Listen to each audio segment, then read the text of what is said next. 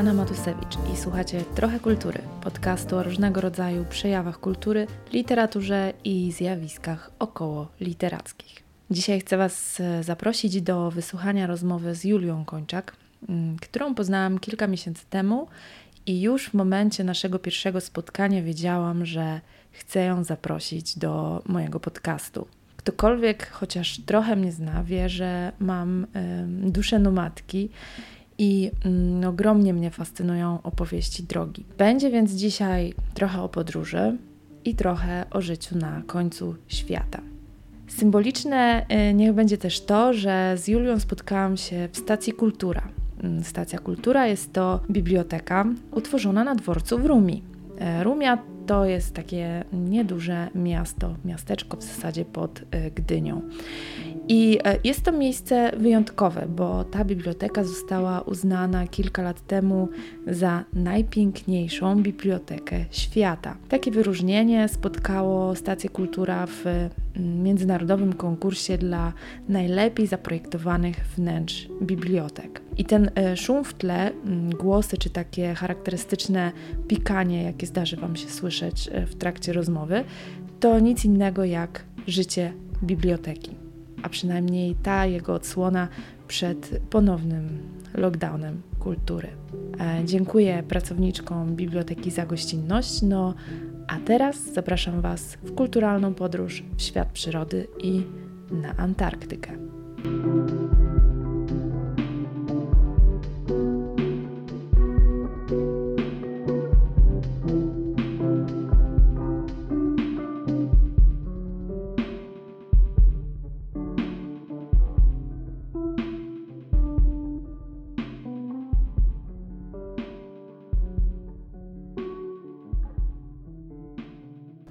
Tym razem wybierzemy się w kulturalną podróż e, w świat przyrody i też na Antarktydę. Moim gościem dzisiaj jest Julia Kończak. Dzień dobry. E, dzień dobry, witam wszystkich. Miło mi, że zgodziłaś się dołączyć e, do podcastu Trochę Kultury. Czy mogłabyś w kilku zdaniach nakreślić, czym się właściwie zajmujesz tak na co dzień? Aktualnie pracuję w Nadmorskim Parku Krajobrazowym. Wcześniej pracowałam w Polskim Towarzystwie Ochrony Przyrody Salamandra, więc tak ogólnie można powiedzieć, że po prostu zajmuję się ochroną przyrody w takim dosyć szerokim aspekcie. Twoje wykształcenie, zakładam, Twoje doświadczenie, co robiłaś wcześniej, zaprowadziło Cię do, do tej pracy, którą się teraz zajmujesz, ale też zaprowadziło Cię na koniec świata, e, jakim jest Antarktyda. Tutaj ten wątek cały czas wyciągam, bo jest dla mnie po prostu niesamowicie fascynujący, ale oczywiście y, nie musimy rozmawiać tylko o Antarktydzie. Słuchacze tego nie widzą, ale Julia przyniosła na spotkanie też kilka innych tematów, e, więc e, za chwilkę może do nich przejdziemy. Wracając do jednak tego wątku antarktyckiego, jeśli można to tak e, odmienić, jak to się stało, że, że wylądowałaś właśnie na tym końcu świata znaczy tutaj Cię zaskoczę, ponieważ ja z wykształcenia jestem leśnikiem, czyli przez moment pracowałam w miejscu, gdzie w ogóle nie ma drzew. Tak no bo na Antarktydzie nie ma drzew, tak? Na Antarktydzie tak. Tutaj chciałam od razu sprostować, ja nie byłam na Antarktydzie e, sensu stricto, ponieważ Antarktyda to jest sam kontynent, czyli to, co jest tam faktycznie na południu, biegun południowy i tamte rejony. Ja byłam w Antarktyce, czyli to jest e, Antarktyda plus e, wody oceanów, które tam otaczają Antarktydę i wyspy. Na wyspie Króla Króla Jerzego, czyli w zasadzie byłam w Antarktyce, nie, nie w Antarktydzie. E, dobra, to może w takim razie spróbujmy to jeszcze tak e, rozdzielić, bo Antarktyda to jest ląd, Antarktyka to, jest, e, to są wody i wszystko, co ten ląd otacza, bo jeszcze na drugim z kolei biegunie jest Arktyka i to też czasami się myli. Tak. Znaczy to jest dosyć powszechny błąd, bo Arktyka, Antarktyka i e, też dostawałam pytania, czy były polarne niedźwiedzie, to tak najłatwiej zapamiętać, że ta krótsza nazwa, czyli Arktyka to niedźwiedzie polarne, a Antarktyka, czyli ta dłuższa, to pingwiny, czyli, e, czyli dwa zupełnie e, odmienne bieguny. E, oczywiście i tu, i tu jest zimno, przy czym no jakby specyfika Antarktydy jest taka, że faktycznie tam jest ten kontynent, Antarktyda, i wokół mamy wysepki. Natomiast w Arktyce sytuacja wygląda troszeczkę inaczej. Tam takiego lądu sensu stricto nie ma, tylko jest lód i to w zależności od pory roku można tam dotrzeć czy nie. No teraz wiadomo, mamy zmiany klimatu i to się teraz drastycznie zmienia, ale o tym by można było dużo opowiadać. Czyli leśnik z wykształcenia wybiera się na Antarktykę, czyli tam, gdzie są pingwiny. Co się znajduje na wyspie Króla Jerzego? Co Cię tak zainteresowało i że, że, że tam się wybrałaś? Na wyspie Króla Jerzego są stacje badawcze, w tym stacja polska mm, imienia Henryka Arstowskiego. I to jest główna stacja. I pod e, stację Henryka Arstowskiego podlega jeszcze coś takiego, co nazywamy refugium, Lions Ramp. E, nazwa pochodzi od jednej ze skał, która, która sąsiaduje jakby z tym refugium. I tak, na głównej stacji tam jest więcej osób, no bo to jest główna stacja, tam przyjeżdżają naukowcy i tych pracowników jest potrzebnych tam więcej. Natomiast e, na Lions Ramp tylko w sezonie letnim czyli wtedy, kiedy u nas jest zima, to, to tam jest lato, więc w tamtejszym e, sezonie letnim dwie osoby e, prowadzą badania związane z szeroko pojętą ekologią, czyli mm, ze zwierzętami, które tam żyją. To są pingwiny, słonie morskie itd., tak itd. Tak no i tam przez te 5,5 miesiąca mniej więcej y, mieszkają tylko te dwie osoby. Na stacji tych osób jest więcej, natomiast na Lions Ramp, gdzie ja byłam dwukrotnie, to właśnie tylko te dwie osoby. To nigdy nie było jakieś takie moje wielkie marzenie, bo niektórzy czytali książki Centkiewiczów i tak myśleli, że tak bardzo, bardzo by e, chcieli w te rejony polarne po, popłynąć. Do mnie w zasadzie ta zimna przygoda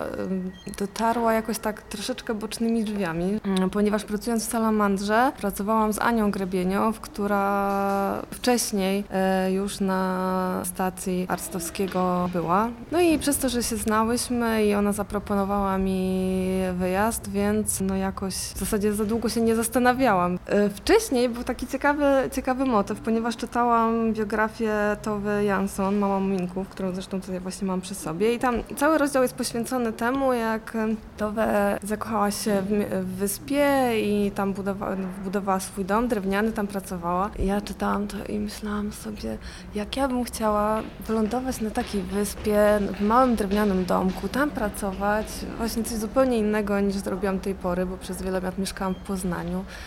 I to jakoś tak do mnie przyszło, właśnie chyba sobie tak wyprosiłam to. Książka Tove Jansson okazała się być prorocza. Drewniany domek, gdzieś z dala od ludzi, od cywilizacji. E, jak wygląda taka praca? Istnieje coś takiego jak Kamlar. Ten skrót z angielskiego tłumaczy się dwójnasób. To jest albo komisja, albo konwencja o zachowaniu żywych zasobów morskich Antarktyki.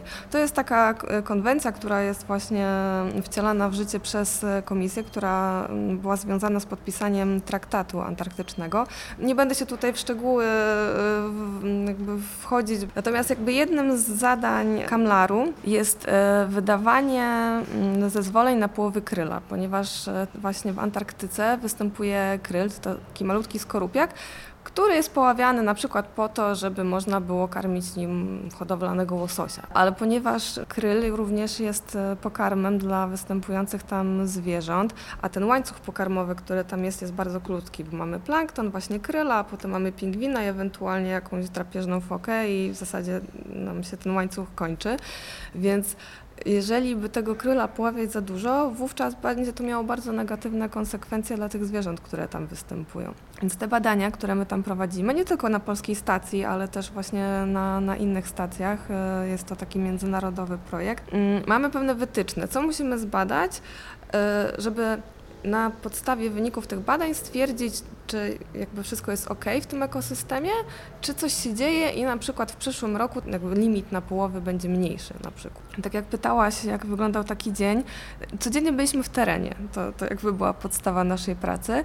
No i wszystko się zaczyna no, tak na przełomie właśnie października, listopada, wtedy kiedy pingwiny zakładają gniazda w koloniach. Tam występują trzy gatunki pingwinów, które, które gniazdują, czyli pingwin białobrewy, pingwin białooki i pingwin maskowy. No tam te nazwy też e, różnie są po polsku, ale generalnie tak, tak to się teraz używa. No i my tam sprawdzaliśmy, ile jest gniazd, później mieliśmy próbę ważenia jaj i tak dalej, i tak dalej. Jakby przez cały ten cykl okresu lęgowego pingwinów mieliśmy no, jakieś tam zadania do wykonania w zależności od tego, jaki był czas aktualnie. No, oprócz tego robiliśmy monitoring też ssaków płetwonogich, czyli fok i wypatrywaliśmy wielorybów też, żeby zobaczyć, czy wpływają do tej naszej zatoki. Również obserwowaliśmy tam ptaki, sczytywaliśmy odbrączki, więc w zasadzie tych prac, które tam wykonywaliśmy było mnóstwo i e, no, nie można się było nudzić i wszystko było fascynujące. to może w ogóle o samym, samym mieszkaniu na Lions Ramp. Jest to mały drewniany domek, gdzie ta część mieszkalna to jest 4 na 4 metry. E, mamy tam piętrowe łóżka, kuchenkę, jakąś taką mikro łazienkę, no ale w zasadzie cała ta część mieszkalna to jest 16 metrów kwadratowych i tam się musimy pomieścić ze swoimi rzeczami. Na zewnątrz jeszcze mamy takie schowki, gdzie trzymamy jakieś rzeczy spożywcze, narzędzia i, i takie, takie rzeczy. E, jeśli chodzi o pobudkę mm, poranną, no tam czas tak nie do końca działa, dlatego że im bardziej tamto lato, tym w zasadzie więcej światła, czyli mamy taki moment w grudniu, że w zasadzie w ogóle nie jest ciemno. E, więc tutaj trochę jesteśmy przyzwyczajeni do tych zegarków, ale tam e, to nie ma aż takiego znaczenia.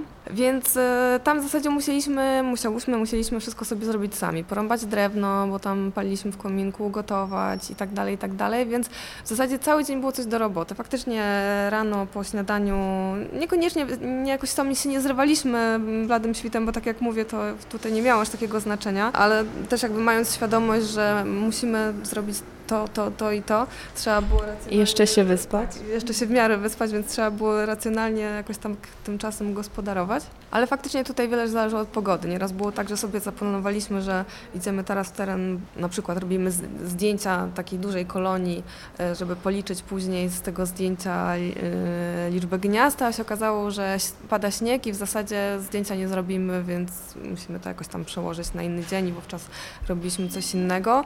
E, też cyklicznie co 10 dni liczyliśmy te ssaki płetwonogie, no ale też było czasami tak, że był taki sztorm i tak silny wiatr, że w zasadzie yy, no, ciężko było wyjść w teren, ale Generalnie staraliśmy się w miarę, w miarę codziennie przynajmniej pójść na pingwinisko, tam zobaczyć, co, co się dzieje. Poza tą pracą terenową, która oczywiście jest najciekawsza z tego wszystkiego, była też cała praca związana mm, z wprowadzaniem e, danych do komputera, ponieważ tam nie ma internetu, więc nie mieliśmy możliwości wysyłania tego przez internet, więc wszystko wprowadzaliśmy do bazy. Jak był ktoś ze stacji, to mogliśmy przekazać. Niektóre informacje przekazywaliśmy właśnie przez takie urządzenie, które się nazywa InReach.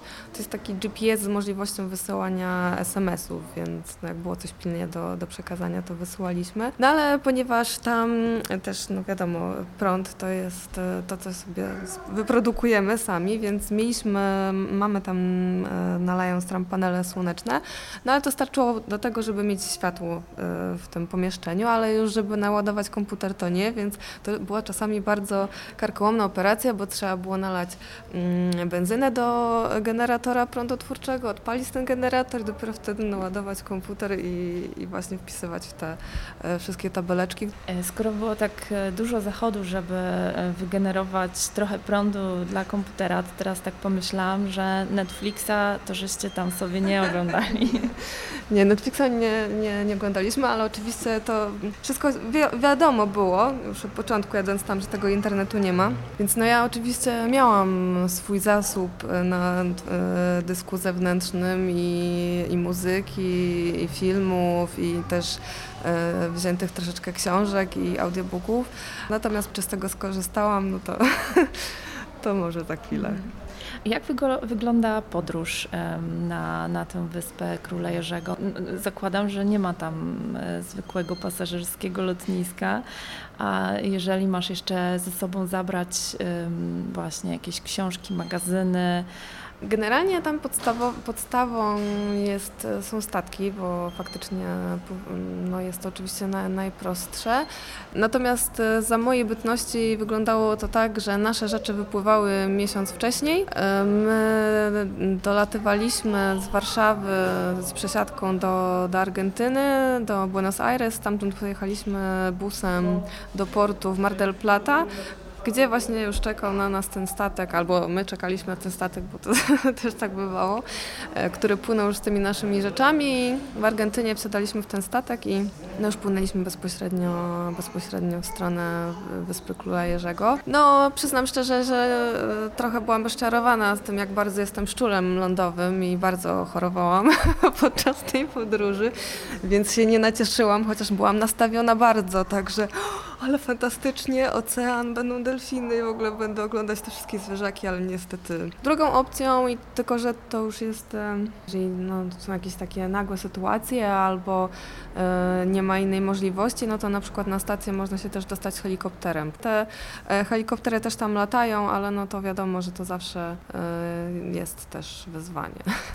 To jest bardzo długa droga i no, miejsce takie oddalone od cywilizacji. I teraz tak sobie myślę, e, że pandemiczny lockdown, który mieliśmy w tym roku, wielu osobom pokazał, że często nie potrafimy już znaleźć sobie zajęcia w domu, czy na przykład właśnie kiedy zamknięte są kina, kawiarnie i, i tak dalej. I e, że bez tego wszystkiego zaczynamy się nudzić. Czy był czas w ogóle na nudę w tym miejscu, na, na wyspie y, Króla Jerzego? Nie, mogę odpowiedzieć od razu jednym y, słowem. Trochę w kontekście też te, tego Netflixa. Ja w zasadzie nie potrzebowałam Netflixa, bo ja wyglądałam przez okno albo otwierałam drzwi, a to miałam film przyrodniczy za drzwiami. Bo w momencie, kiedy rodzą się małe słonie i one później już y, matki odstawiają je od, y, od mleka, no to one w zasadzie są zostawione same sobie, no i później takie małe słonie morskie po prostu leżą sobie wszędzie i, i, i i, i rosną, albo właśnie no, otwieram drzwi, no za drzwiami mam lodowiec, mogę patrzeć i, i słuchać jak się cieli, więc w zasadzie nawet nie było takiej potrzeby. Czasami się po prostu siedziało, jak już był taki czas, że się wróciło z terenu, robiło się kawę z wody z lodowca. Najlepiej smakuje kawa z wody z lodowca, od razu mówię. No i patrzyło się na to, co tam się dzieje. Pod, przypływały uchatki, później w tej właśnie późniejszej części lata zaczynają się pojawiać e, samce uchatek, e, czy właśnie na te wpływające do, do zatoki wieloryby. Czasami pingwiny też, myśmy się śmiali, że wysiadają przed naszym domem, i e, szły na pingwinisko, które było parę kilometrów od naszego domku i, i tam sobie szły na piechotę. Wydawać by się mogło, że gdzie tam pingwin, piechur to średni jest, prawda? Jednak e, wolały przejść ten kawałek na piechotę, więc e, w zasadzie codziennie się działo coś innego i mm, aż czasami żal było wracać, już człowiek był zmoknięty, bo na przykład był jakiś mokry śnieg i zmarznięty, głodny. Czasami były dni, kiedy faktycznie pogoda była bardzo zła i wtedy więcej czasu się w tym domu spędzało, no ale to właśnie albo się wykorzystywało ten moment na wprowadzenie tych danych do komputera, albo się czytało książki. No i wspomniałaś, że zabrałaś um, trochę zapasów takich książkowo-filmowych ze sobą i nie podołałaś y, tego wszystkiego obejrzeć i przeczytać. No nie, znaczy filmu to w ogóle chyba żadnego nie obejrzałam. Ani za pierwszym razem, jak byłam, y, ani za drugim razem. Jak się już tam jest, to po prostu, no nie wiem, być może niektórzy by mieli inne opowieści, ale ja po prostu czułam, że to wszystko, co tam jest, to chcę to chłonąć. To jest w ogóle bardzo ciekawe, dlatego że nie trzeba jechać aż tak daleko, żeby tego doświadczyć. To tak naprawdę w Polsce też mamy takie miejsca jeszcze, gdzie jesteśmy troszeczkę odcięci od takiej ilości bodźców, które mamy tutaj cały czas. My nawet już na to nie zwracamy uwagi. Cały czas szumią samochody, że tutaj sygnalizacja świetlna piszczy. Cały czas w zasadzie są jakieś dźwięki, na które, które, o których my po prostu już nie rejestrujemy, ale jak się jest tam, no jakby chcąc nie chcąc jesteśmy od tych bodźców odcięci, no to ja doświadczyłam tego i o tym też e, opowiadał i pisał Marek Kamiński i też mm, z kim nie rozmawiałam, to w zasadzie każdy tam tego doświadczał, e, że nagle mózg, który wcześniej był przebodźcowany, to teraz nagle stwierdza, że ojej, w zasadzie nic się nie dzieje, jakby mózg się sam nudził. Ja idę sobie w terenie, rozglądam się, czy jakieś tam ptaki z obrączkami nie latają i, i zaczynam sobie przypominać jakieś w ogóle dziwaczne, absurdalne piosenki z dzieciństwa na przykład. E, jakieś bajki Natalki mi się przypominały, e, jakieś, nawet sobie potem zapisywałam te piosenki, chyba nawet gdzieś tutaj mam, dla przykładu mogę Ci przeczytać, bo to było dla mnie aż samej komiczne, że to w ogóle skąd mój mózg to wytrzasnął, tak jakby, wiesz, gdzieś szukał w jakiejś tam szufladzie. Nie no, muszę się czymś zająć, to poprzeglądam zasoby. No i na przykład jakieś e, Salem Aleikum z podróży pana Kleksa, e, jakieś piosenki Izraela. Kiedyś dawno temu, na początku podstawówki, znaczy w połowie podstawówki słuchałam Kelly Family i też mi się jakieś piosenki Kelly Family przypominały. Eizfaj, Policaj, Skutera mi się przypominało i to było, wiesz, to było po prostu takie absurdalne. Idę w tym terenie, no po prostu widoki wspaniałe, a Eizfaj, Policaj. Ale tego myślę sobie można też doświadczyć w górach, jak się wędruje, że nagle człowiek e, zaczyna gdzieś tam w siebie bardziej e, wchodzić i odkrywa nagle jakieś takie właśnie e, sytuacje w swojej głowie. E, natomiast tak, filmów nie oglądałam, trochę muzyki słuchałam, też nie bardzo dużo. Za pierwszym razem dostałam od mojej rodziny, tak prosiłam ich, harmonikę, więc troszeczkę też tam grałam. Się śmiałam, że robiłam koncerty słonikom przed domem.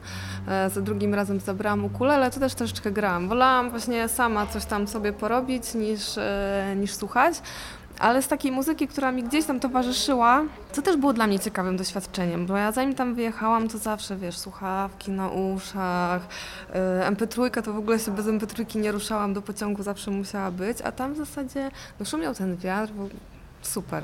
Gdzieś tam właśnie się odzywały pingwiny pod domem, no to to sama przyjemność, ale z takich, e, z takich historii, które mi tam towarzyszyły, to miałam ze sobą płytę Oj Borom Borom, Maniuchę Bikont i Ksawerego Wójcickiego, jeśli dobrze pamiętam nazwisko, tak, Ksawery Wójcicki. E, to są pieśni z Polesia, z jakiejś takiej małej wioski, też takie klimaty, takie trochę powrót do korzeni, coś takiego, bo to prawda to już jest tylko śpiew i kontrabas i to było też dla mnie takie, takie bardzo przyjemne. Druga muzyka, która mi towarzyszyła, Hati Vati, to właśnie tutaj gdański DJ, producent muzyczny, więc gdzieś tam tak mi pasowała ta muzyka do tych klimatów, a jak wróciłam za drugim razem, e, to się dowiedziałam, że, że Piotr razem z kolegą stworzyli projekt Nanook of the North, jeśli dobrze pamiętam.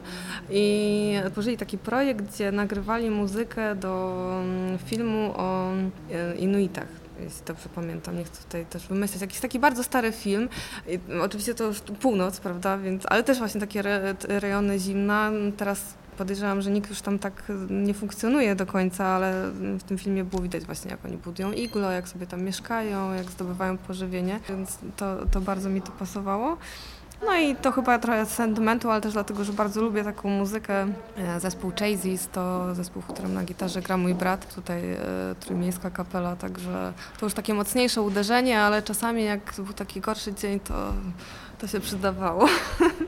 Żeby się zmotywować też. Żeby się zmotywować, ale czasami, no wiadomo, że jak się jest w takim, takiej małej przestrzeni cały czas tą samą osobą, no to chcąc nie chcąc jakieś konflikty się gdzieś tam pojawiają i czasami już też nawet samo zmęczenie już sprawiało, że gdzieś tam człowiek się robił bardziej nerwowy, więc żeby jakoś te, się z tych emocji yy, jakoś pozbyć albo nakierować je na, na inną stronę, to właśnie ta muzyka też, też pomagała. Jak się mm, pakowałaś, jak się zbierałaś, myślałaś o tym wyjeździe, przez jaki filtr filtrowałaś właśnie, decydując się, co ze sobą zabrać? Jeśli chodzi o książki, to miałam parę takich książek, które po prostu chciałam przeczytać, więc trochę to było na zasadzie, że o, teraz wreszcie będę miała troszkę więcej czasu, może wieczorami to, to poczytam. No ale mm, no, ponieważ wszystko zaczęło się od Tove Jansson, więc oczywiście nie mogło zabraknąć tatusia Muminka i może w ogóle Muminki bardzo lubię, chociaż e, to zresztą myślę, że Tove też tak naprawdę myślała, że Muminki to nie są tak do końca książki dla dzieci. Jak się już to czyta jako dorosły człowiek, to się widzi to zupełnie inaczej. No i tatuś Muminka i morze, i ta wyspa, i ta latarnia mroczna, no to tam się naprawdę bardzo, bardzo podobało. Wzięłam też książkę, którą e, wręczył mi mój e, tata, Wyprawa Kontiki.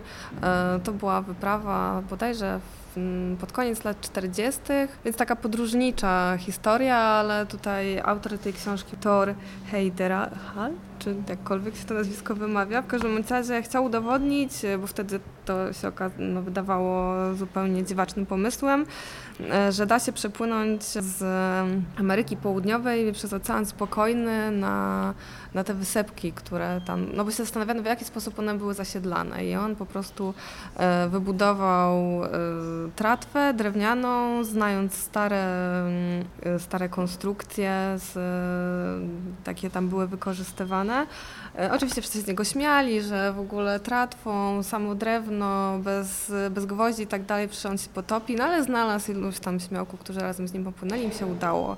Książka jest pięknie też napisana i to też ciekawe, że już wtedy no, zwracano też uwagę jednak na to, że człowiek tak tą przyrodę eksploatuje, bo parę tam jest takich fragmentów, także, także byłam wdzięczna, że tata mi tą książkę dał, bo bardzo mi się to przyjemnie czytało. No paradoksalnie wzięłam książkę pod tytułem Sekretne życie drzew, może właśnie dlatego, że sobie myślałam, nie będzie drzew, to, to przeczytam. E, Petera Uleben. Y, ja jako leśnik z wykształcenia też byłam ciekawa innego podejścia do, do drzew. Poza tym e, obecnie też się w ogóle zajmuję drzewami zupełnie pod innym kątem, ponieważ e, poza tym, że pracuję w parku, to też e, prowadzę firmę Przyroda Projekt i właśnie inwentaryzuję stare drzewa, badam je pod kątem bezpieczeństwa, więc też było dla mnie ciekawe. Wtedy jeszcze nie miałam tej firmy, ale myślę, że to też jakoś tam sprawiło, że, że do pewnych decyzji dojrzałam.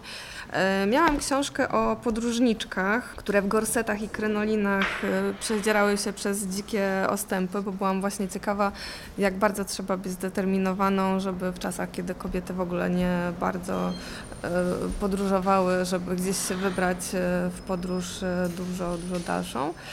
No i wzięłam też książkę, którą dostałam od mojego kolegi, który był na stacji e, w latach 80., więc dostałam od niego książkę w Antarktyce Stanisława Rakusy Suszczewskiego, który też był jednym z mm, prowodyrów w ogóle powstania e, stacji tej polskiej. Więc to też ciekawe spojrzenie na no, w zasadzie historię też tego, jak to, jak to wyglądało, po co ta stacja w ogóle powstała. A czy było coś, co, czego Ci mm, bardzo brakowało i żałowałaś, że kurczę, nie pomyślałaś o tym, żeby to zabrać ze sobą?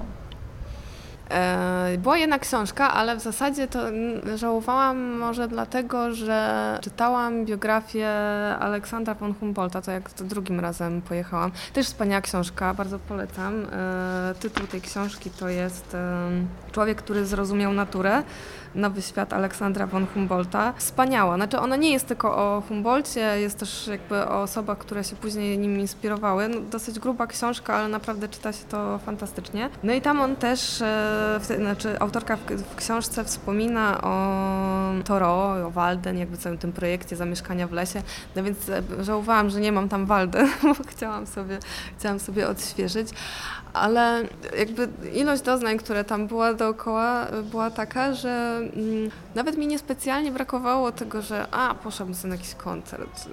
Oczywiście wiadomo, że jak się tutaj mieszka, no to jak teraz nie możemy, no to, to żal, prawda? Ale tam, tam miałam koncerty na Pingwinisku i, i to mi wystarczyło. Skoro jesteśmy już przy książkach, to gdyby ktoś szukał więcej informacji albo właśnie inspiracji, e, jeżeli ktoś się trochę interesuje takimi zimnymi, polarnymi klimatami i szukałby informacji, to co byś mogła polecić? Mhm. Tych książek w ostatnim czasie troszeczkę się pojawiło, bo jest e, zainteresowanie. Na pewno są dwie, dwie pozycje, których, które mogłabym polecić. Pierwsza książka to jest e, Czochram Antarktycznego Słonia Mikołaja Golechowskiego. Ja tej książki całej nie przeczytałam, bo przed pierwszym wyjazdem tam mm, w ogóle powiedziałam, nie, nie będę tej książki czytać, bo nie chcę się nastawiać. Mikołaj Golechowski też był kierownikiem parokrotnie, znaczy był kierownikiem na stacji, na samej stacji był parę razy, prowadzi też wycieczki w, re, w rejony polarne, więc on faktycznie te, te rejony zna bardzo dobrze, ale mówi nie, nie przeczytam, nie chcę się nastawiać, raczej jak gdzieś wyjeżdżam, to w ogóle staram się jakoś wykasować wszystko, co wiem, żeby też e, jakoś nie, nie podchodzić z jakimś tam nastawieniem, ale później jak już tam byłam za drugim razem, to, to czytałam po prostu fragmenty i no wspaniale się to czyta. Zresztą też bardzo polecam Mikołaja Golechowskiego. W przekroju ma swoje teksty, przepięknie pisze, bardzo się przyjemnie przyjemnie to czyta i, i właśnie w, bodajże numer, tak, pierwszy numer z tego roku przekroju, Wołanie o ciszę w ogóle jest poświęcony też e, Antarktyce. Tutaj mamy lodowiec na, na okładce, także jeżeli ktoś ma e, ochotę sięgnąć, to, to Mikołaj tam opisuje tak, tak w skrócie, a jeżeli coś więcej, no to właśnie to właśnie sięgnąć po tą książkę. Natomiast druga książka to jest um, książka, którą napisała Dagmara, y, Dagmara Bożek, Dom pod biegunem ze zdjęciami Piotra Andryszczaka. I y, Daga i Piotr byli i na stacji na Spitsbergenie, bo tam na północy mamy swoją stację również arktyczną. I byli też na stacji Arctowskiego i Daga w wspaniały sposób opisuje po prostu to, jak tam sobie właśnie to, co chciałaś wiedzieć, jak się tam mieszka, jak to wygląda, jeśli chodzi o jakieś takie relacje międzyludzkie, no bo ja to za dużo nie mogę powiedzieć. Byłam raz z jedną osobą, za drugim razem byłam z drugą, e, ale pewnie na, na stacjach e, troszeczkę więcej mm, się, się wydarza, więc polecam. Daga w ogóle mm, teraz e, zaczęła taki projekt Polarniczki i właśnie wyciąga dla historii kobiety, które były na wyprawach polarnych, także można śledzić w internecie internecie, jest też profil na Facebooku Polarniczki, także polecam. Jeśli jeszcze ktoś by miał troszeczkę ochotę mm, poczytać o, o moim pobycie tam albo o pobycie Ani, kiedy była tam jeszcze przed naszym wspólnym wyjazdem, to polecam magazyn przyrodniczy Salamandra gdzie jest y, i mój tekst y, w numerze, drugi numer 2018 rok, tam jest mój tekst o, o tym wyjeździe, natomiast w drugim numerze 2016 roku jest, y, jest też tekst Ani, także to są takie pozycje.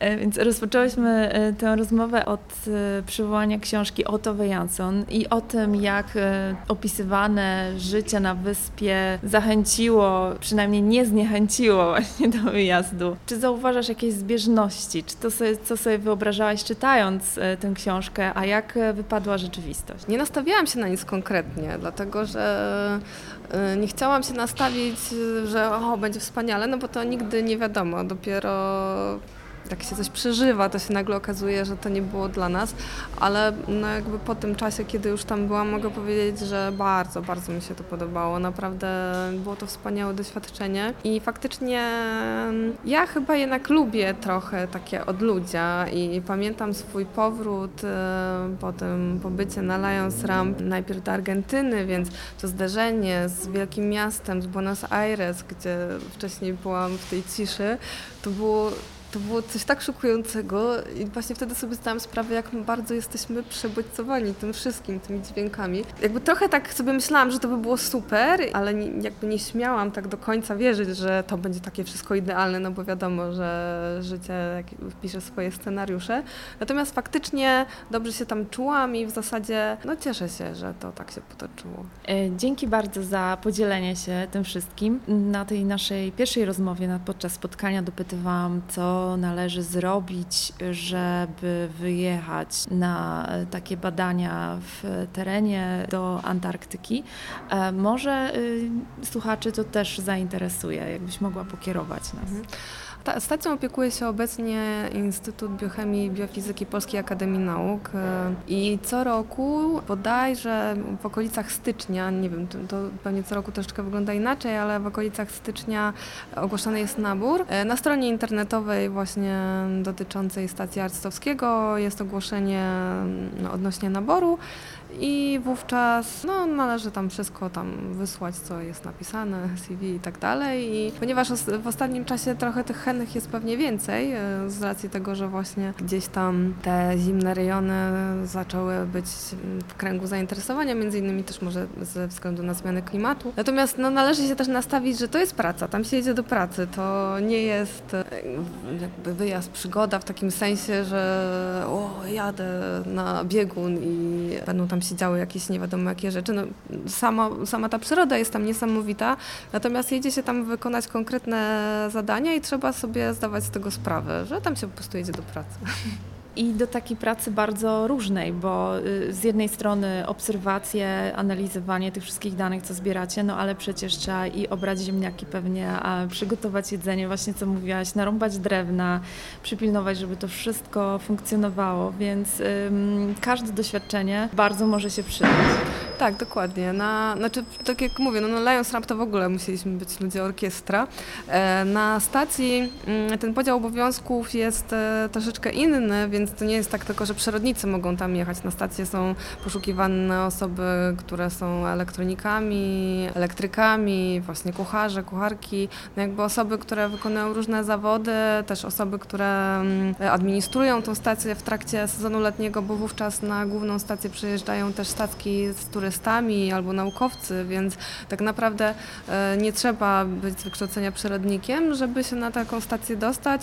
E, co roku są poszukiwane osoby właśnie o bardzo szerokim spektrum zawodów. E, jak wypakowałaś te wszystkie książki, które tutaj e, widzę przed sobą, e, bardzo mnie ucieszyła obecność tej książki o podróżniczkach, bo też ją czytałam i uważam, że jest bardzo inspirująca.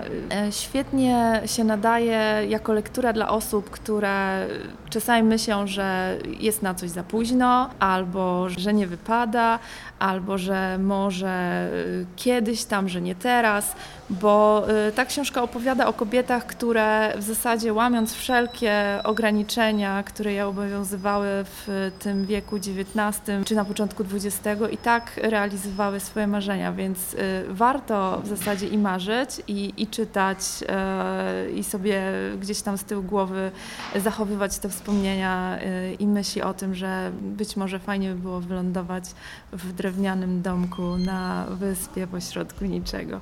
Więc dzięki Julio bardzo za Twój czas, za Twoją opowieść i podzielenie się tymi wszystkimi tytułami. Ja może tylko dodam od siebie, że zanotuję te wszystkie tytuły i linki do muzyki, którą polecałaś i do tytułów, do książek, które polecałaś pod podcastem, że każdy mógł sobie e, łatwo znaleźć. Dziękuję bardzo. Dziękuję bardzo za zaproszenie i mam nadzieję, że zainspirowałam co po niektórych do tego, żeby gdzieś się znaleźć, gdzie się marzy. Dzięki.